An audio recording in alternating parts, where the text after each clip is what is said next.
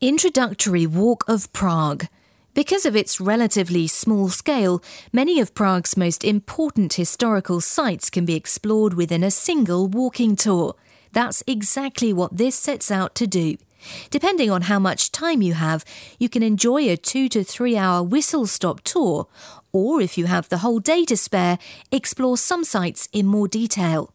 Remember, every step you take on this tour will be following in those of the Czech kings, who processed from the Powder Tower to Prague Castle on Coronation Day over a span of four centuries.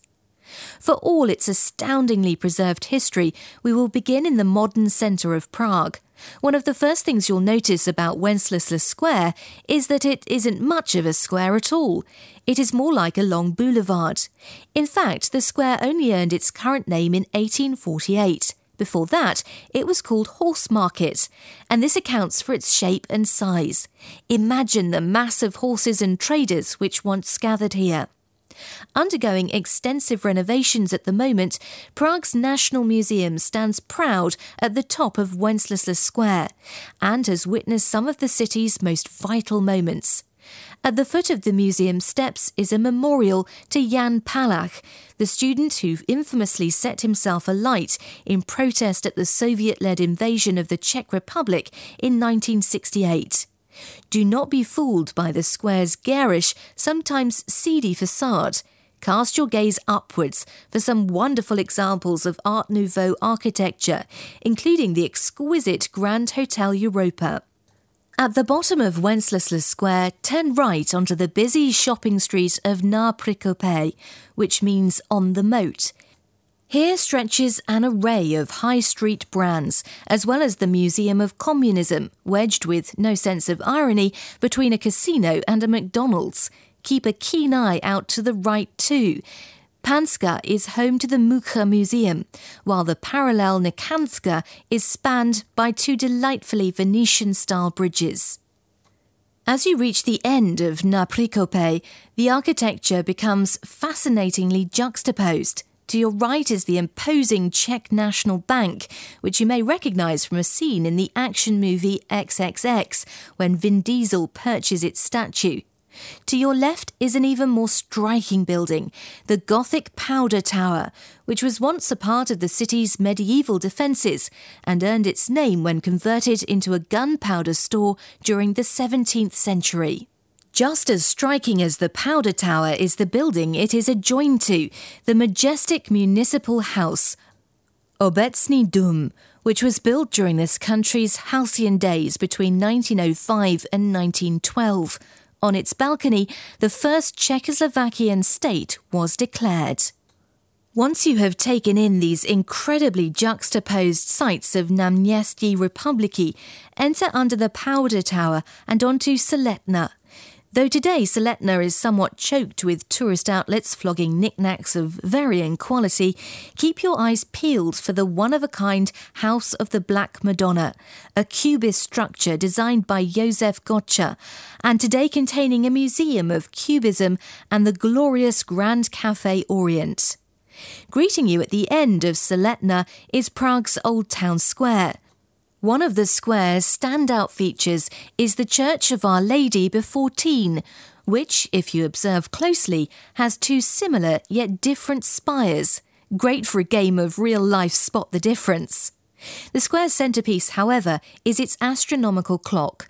This impossibly intricate device dates from 1410, and it is said that the clock's inventor was blinded when his creation was completed, so that he would never repeat his masterpiece in any other city. Now, with the clock to your right, walk straight through Malé Náměstí, and from here cross straight through Jílska and onto Karlova, which is interrupted by Hřešov and picks up again slightly off to the right. As you battle your way through the tourist mob, take a moment or two to visit one of the marionette shops.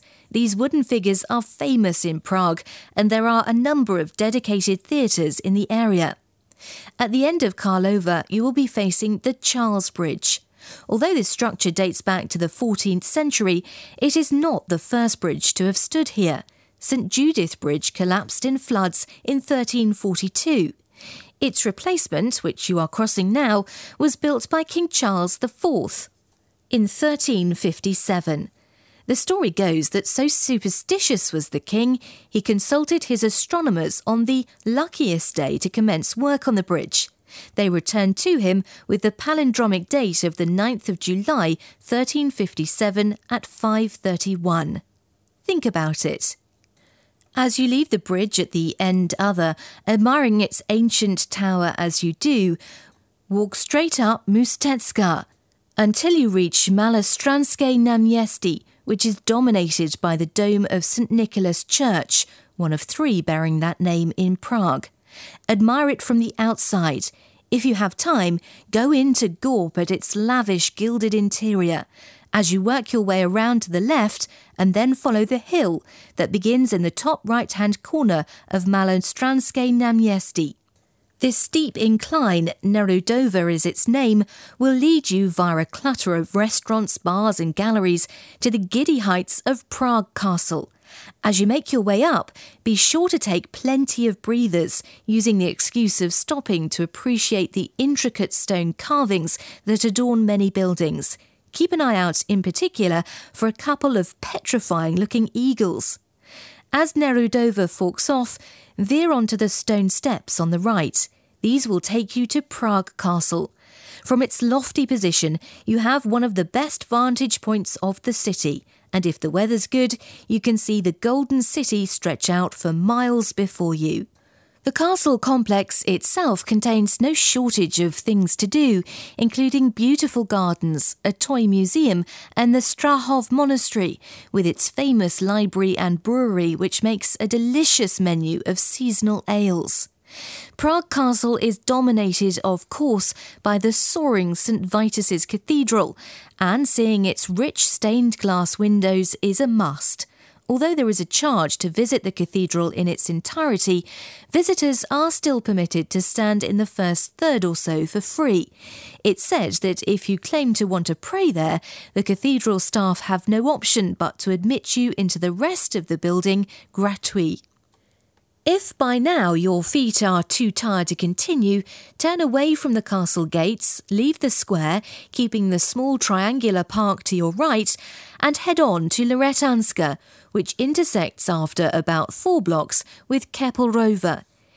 Here you will see the Pohořelec tram stop.